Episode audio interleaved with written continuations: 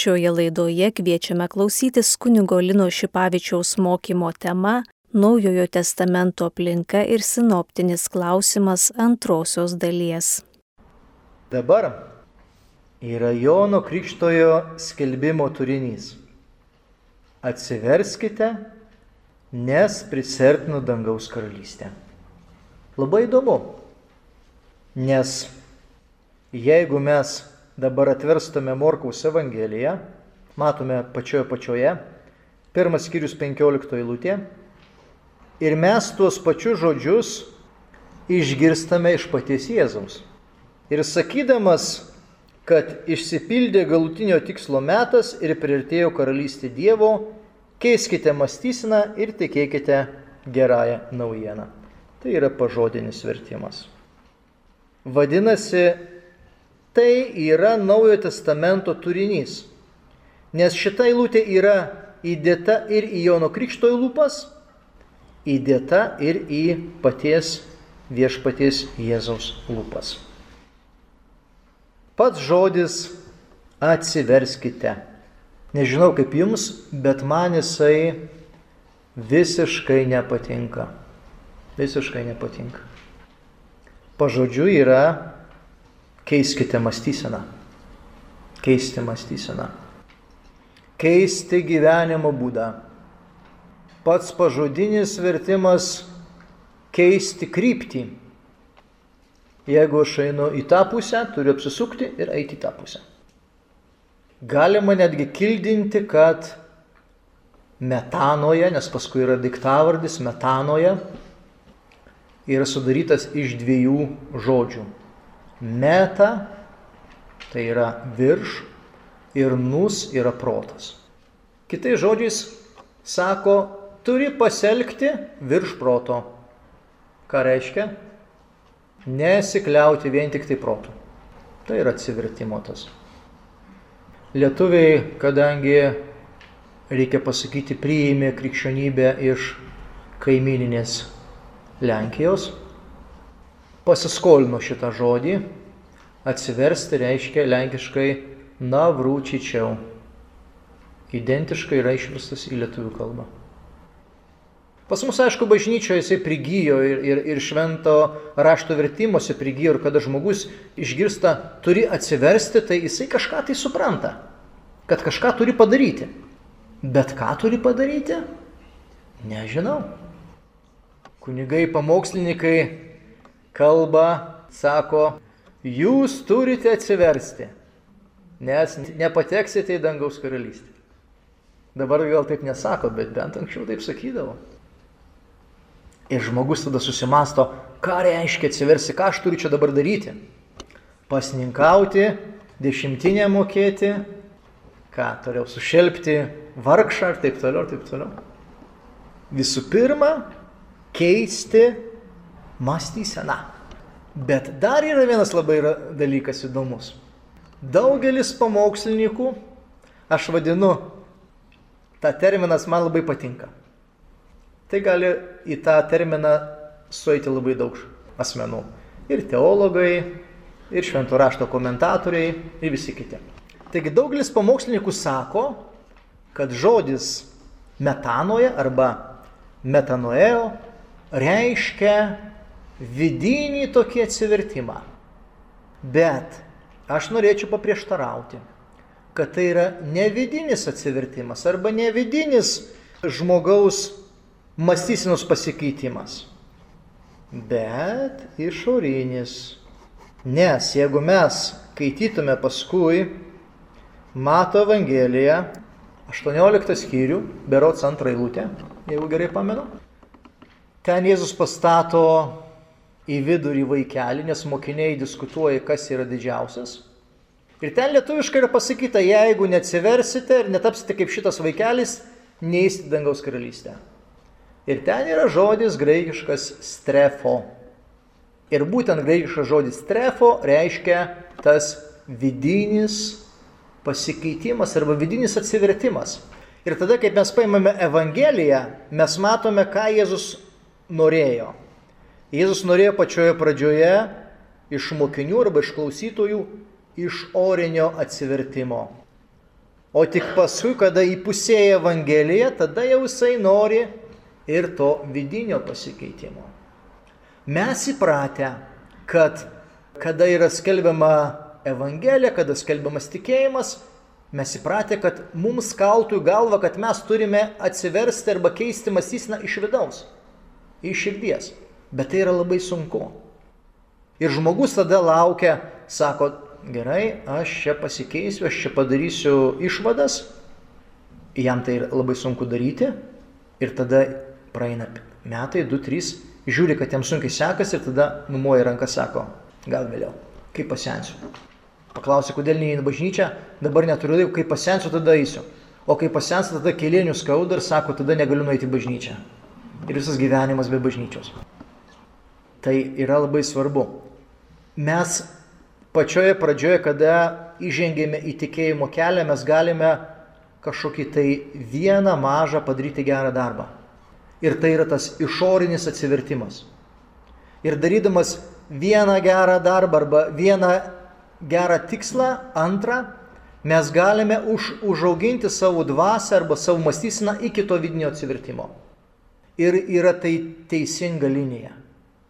O ne taip, kad laukti dabar kažkiek tai metų, kol mano čia perkeistas bus visas vidus, perkeista mano visa mąstysena ir tada aš jau atsiversiu ir tada aš jau kažką tai čia galėsiu padaryti, pasakyti.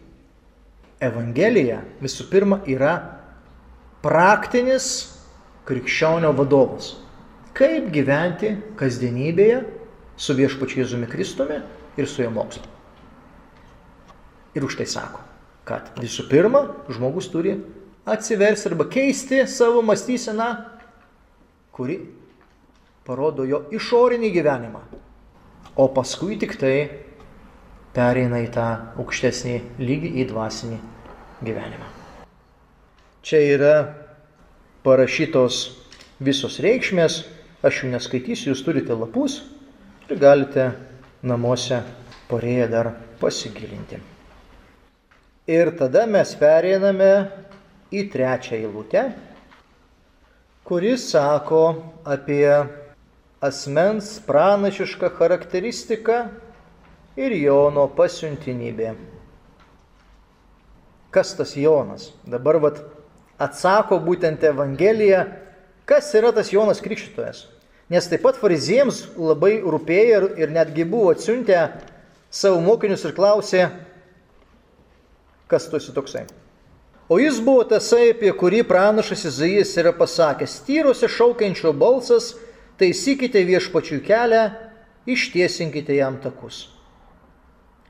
Pažodinis vertimas, jisgi yra nusakytasis per Izaiją pranašą sakantį, balsą šaukiančių dykumoje, paruoškite kelią viešpaties, tiesius darykite takus jo. Ir šitą turinį, apie kurį kalba Evangelija, trečias skyrius trečioji lūtė, mes sutinkame pas pranašą Izaiją, 40 skyrius trečioji lūtė, septogintos tekstas, balsas šaukiančių dykumoje, paruoškite kelią viešpaties, tiesius darykite takus mūsų Dievo. Sustosime dabar porą minučių ties septogintą. Septoginta tai yra graikiškas tekstas, Senojo testamento, kuris buvo parašytas maždaug apie 350 metus prieš Kristų.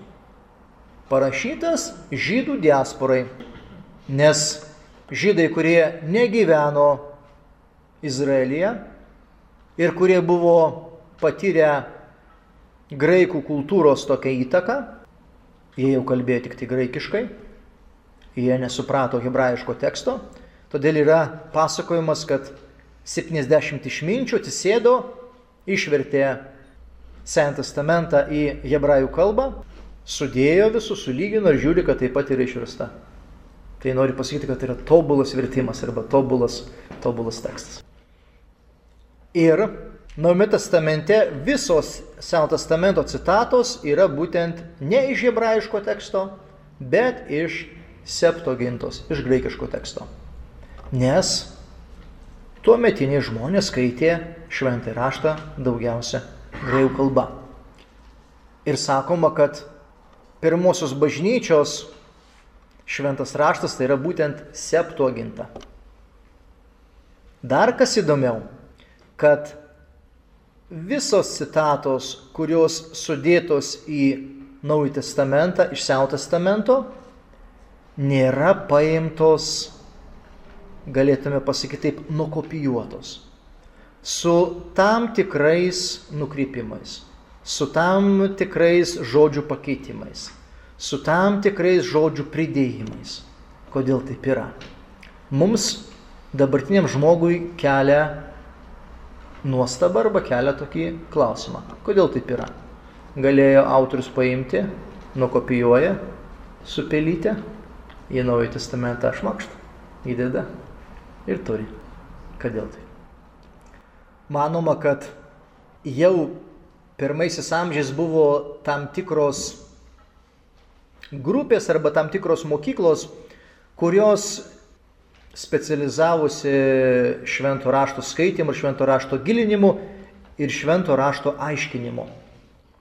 Ir nebuvo svarbu, kad pažodžiui pacituoti vieną arba kitą citatą. Ir dėl to mes jaučiame Naujame testamente, kad labai retai, kad citata yra paimta iš Seno testamento ir tiksliai jinai yra įkomponuota. Mes turime su tam tikrais nukrypimais. Bet tai yra pabrėžiama, kad taip pat Jonas Krikštojas yra tas asmuo, kurį numatė pranašas Izaijas. Peržengėme į ketvirtą eilutę. Jonas žmonių akise, dar, dar paimsim ir penktą eilutę, kad čia būtų, būtų, būtų toksai visuma, visuma jo. Pats Jonas vilkėjo kupranugario Vilnų apdarų, o strėnas buvo susijuosęs odiniu diržu. Autorius aprašo Jono Krikšto išvaizdą. Pažodžiui būtų pats Jonas turėjo drabužį jo, iš plaukų kupranugario ir diržą audinį apie strėnas jo. Antroji karalių knyga, pirmas skyrius, aštuntoji lūtė. Apsivilkęs gauruotų drabužių ir apsijuosęs odiniu diržu, Atsakė jie. Jis ištarė tai Elijas Tišbėtis. Grinai Jono Krikštojo pranga yra tokia pati kaip ir pranašo Elijo, kuris Sename testamente buvo labai svarbus pranašas, labai gerbiamas pranašas. Ir čia Evangelija nori pasakyti, kad Jonas Krikštas yra pranašas, nes jisai apsirengęs taip pat kaip ir pranašas Elijas. Paeikime toliau šitą, šitą dar eilutės galą pabaigsime. Ir koks dabar Jono Krikštojo maistas? Jo maistas buvo skeriai ir lauko medus. Pažodžiui būtų, o valgis buvo jo skeriai ir medus lauko. Taigi Jonas Krikščitojas iš tikrųjų pristatomas tokiais dviem aspektais. Drabužis, tai reiškia, kaip jisai yra apsirengęs, ką jisai reprezentuoja. Vadinasi, jisai reprezentuoja pranašą, kaip ir Elija. Ir dabar jo gyvenimo būdas arba jo ta būtis, jo kasdienybė labai skurdi atrodytų. Skeriai ir lauko medus. Ir čia vat, labai yra iš tikrųjų įdomu vienas iš žodynų štai, ką sako apie tuos skerius. Naujo testamente arba naujo testamento tekstuose graikiškas žodis akris vartojamas kaip vabžių maistas. Apie tai kalba Mato Evangelija ir Morkos Evangelija, arba kaip mirti nešančios būtybės. Apie tai kalba prieiškimas. Kai kurie asmenys daro prielaidą, kad nuoroda į skerių valgymą turėtų būti suprantama ne kaip vabžių, bet kaip saldžiavaisio ankšinio pupmedžio. Taigi mes nežinome iš tikrųjų, ar tikrai Jonas Krikštas valgė tuos skėrius, ar valgė tuos lietuviškai pupas. Nes ta žodis gali reikšti ir tą, ir tą. Čia dar kalbame apie maistą ir taip pat yra svarbios labai dvi citatos iš Seno testamento, kunigų knyga 11 skyrius 22 eilutė. Iš jų galite valgyti įvairių rūšių skerius, įvairių rūšių ryjūnus, kerius, įvairių rūšių svirplius ir įvairių rūšių žiogus. Pakartoto statymo knyga Jis atvedė jį ant krašto aukštumų ir maitino laukų derliumi, duodamas ragauti medaus iš olų ir alyvmedžių aliejaus iš akmenuotos žemės. Pagal tradiciją toksai skeri ir medus yra tokio sketinio gyvenimo simbolis ir būtent apie tai kalba ir Naujas Testamentas, prirašydamas Jonui Krikščitoj. Ir dabar mes periname prie penktos eilutės - Jono veikla. Jono Krikščitojo veikla. Tuomet pas jį ėmė rinktis Jeruzalės gyventojai, visa judėja ir visa pajordanė. Autorius nori pasakyti, kad visi žmonės ėjo pas Joną Krikštoją. Jie išpažindavo nuodėmės ir buvo jo krikštėjami Jordano upėje. Ir čia labai vat, įdomus momentas, mes truputėlį sustosime ties šeštąją eilutę. Pažodinis vertimas. Ir buvo nardinami Jordane, upėje per jį, išpažįstantis nuodėmės jų. Graikiškas žodis baptizo reiškia panardinti, bet baptis, baptisma reiškia tik specialų religinį panardinimą, tai yra krikštą. Seno testamento istorijoje arba raštyjoje yra labai dažnai tas toksai liturginis apsiplovimo forma. Ir čia yra kažkas tai panašaus. Nes tuomet, kada yra diskusija tarp krikšto ir tarp parnardinimo, ir pas mus, tarkime, visose vietose, kada yra verčiama žodis baptizo verčiama krikštijo. Na ir paskui yra tada truputėlį tokios problemos su teologinėmis išvadomis, koks krikštas buvo Jono Krikštojo, koks krikštas buvo Jėzaus Kristaus, koks krikštas yra krikščionių arba pirmosios bažnyčios, koks krikštas konkrečios būtent religinės bendruomenės. Tai šitoje vietoje galima sakyti, kad Jonas Krikštas paprasčiausiai darė tokį kaip gestą. Tas gestas labai yra svarbus. Atsimename išėjimo knyga 19 skyrius, kada Izraelio tauta eina į pažadytą žemę ir kada sustoja ties Sinajaus kalnu ir kada su viešpačiu Dievu sudaro sandorą. Ir Dievas sako Mozei, nueik pas tautą ir pasakyk, kad jie įsiskelbtų drabužius ir patys įsimaudytų. Tai yra toksai irgi kalbėjimo būdas, kad tas panardinimas arba tas apsiplovimas, tai reiškia tarytum atkartojimas Sinajaus. Ir iš kitos pusės tai yra tarytum deklaracija, kad aš esu pasirengęs sudaryti su Dievu sandorą. Pasinerti Jordanų upė tai reiškia prisiliesti prie įžengimo į pažadytą žemę.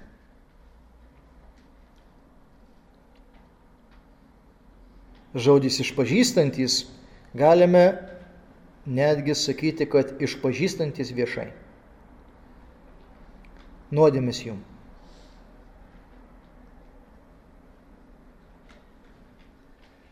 Taigi tas Jono Krikštitojo ta išorinė forma, nes pirminė buvo žodinė forma, atsiverskite, nes prisartino Dievo karalystė, o dabar mes turime tą tokią jau praktinę formą, kad Jonas Krikštojas juos nardino Jordano upėje, kaip tokį jau regimąjį gestą ir tie žmonės išpažindavo nuodėmės.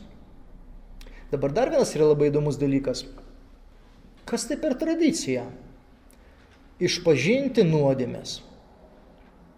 Sename testamente tokio dalyko kaip ir nebuvo. Sename testamente buvo vieną kartą metuose susitaikinimo šventė Jom Kipur, kada vyriausiasis kunigas aukodavo viešpačio auką, paskui išeidavo jisai iš šventyklos, pasakydavo hebrajiškai šalom, tai reiškia ramybė jums, ir visa tauta žinodavo, kad jiems yra atleistos visų metų nuodėmės. Ir taškas. Ir metus galėdavo vėl ramiai gyventi. Paskui vėl ateidavo Jom Kipur, vėl vyriausias kunigas užeina į švenčiausią vietą, ištaria Jahvės vardą, išeina į tautą, sako šalom ir vėl jums atleistos nuodėmis visų metų. Ir toliau gyvenam. Ir kaip čia yra? Čia mes jaučiame jau tą krikščionišką tradiciją. Jaučiame jau tą krikščionišką įtaką kad jau yra tas išpažinimas nuodėmių, tarytum toksai, nu, jaučiama tas asmeniškumas, ar ne? Asmeniškai yra, nes tie žmonės ėjo, buvo nardinami ir paskui išpažino nuodėmės.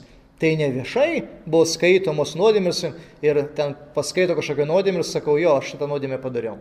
O tos nedariau, nekelsiu rankos. Matome, kad Naujojo testamento tekste yra truputėlį tas užbėgimas į priekį, vadinami anachronizmai. Kad tai jau jaučiamas tas pirmosios bažnyčios praktikos modelis.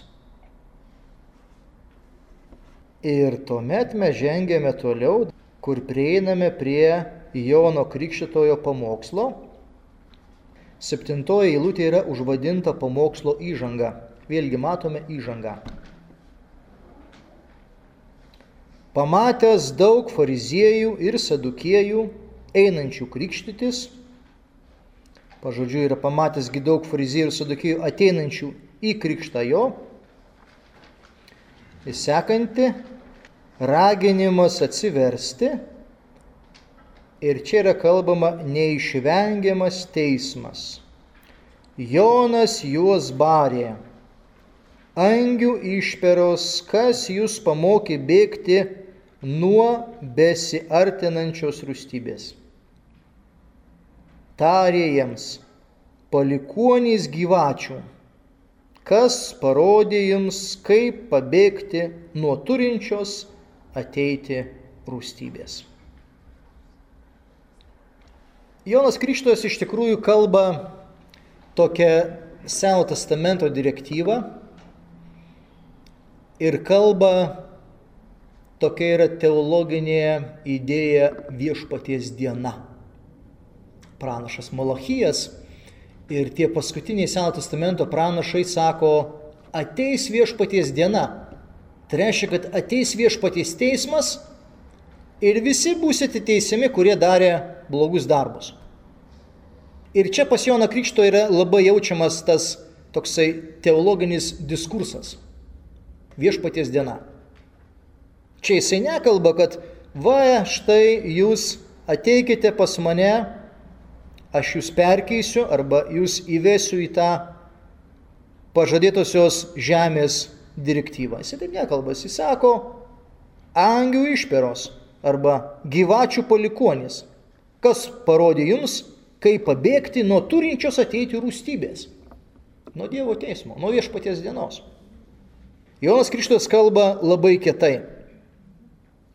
Ir žiūrėkime, jisai nežiūri į asmenis, nes fariziejai rašto aiškintų, tai buvo tie, kurie, sadukėjai, ypatingai tie, kurie valdė valstybę, kurie užėmė aukštas pareigas ir kurie galėjo įtakoti Jono Krikštojo tolimesnį gyvenimą. Aštuntoji lūtė. Atsivertimas tai yra paskutinė galimybė išvengti teismo. Ir čia yra labai įdomi ta teologinė mintis, kad jeigu žmogus atsivers, jisai išvengs teismo. Duokite atsivertimą liūdėjančių vaisių. Pažodžiui, darykite taigi vaisių vertą mąstymo pakeitimo. Ką reiškia vaisių?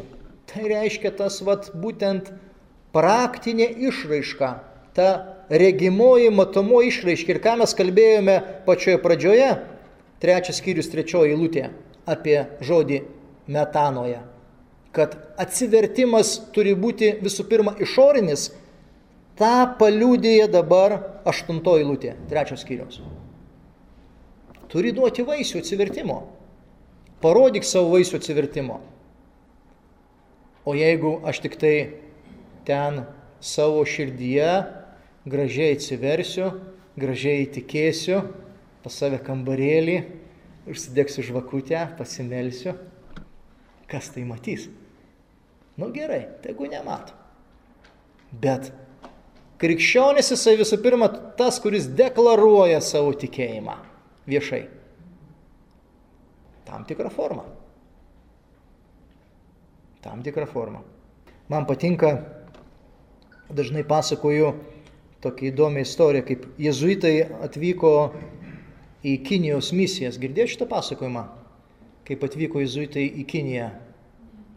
20 metų nieko nedarė. Apsigyveno tarp kiniečių ir nieko nedarė. Ir gyveno. Bet taip gyveno, kad tie kiniečiai pradėjo domėtis, kas jie per žmonės, nes jie elgėsi kitaip negu mes. Nes jie gyveno pagal krikščionišką gyvenseną pagal moralę. Ir kada jau juos užkabino, tai tada jezuitai pradėjo su jais kalbėti ir jie tada perėjo į krikščionybę. O mes ateiname, sakome viskas, mes dabar čia jums paskelbsime Evangeliją. Tie sako žmonės, mes žinome tą Evangeliją, parodykite liūdėjimą, parodykite savo gyvenimą. Ir kada jeigu parodai, tada, tada, tada vat užkabina. Tai va čia kažkas panašaus. Girdėjome antrąją dalį kunigo Lino Šipavičiaus mokymo tema Naujojo testamento aplinka ir sinoptinis klausimas.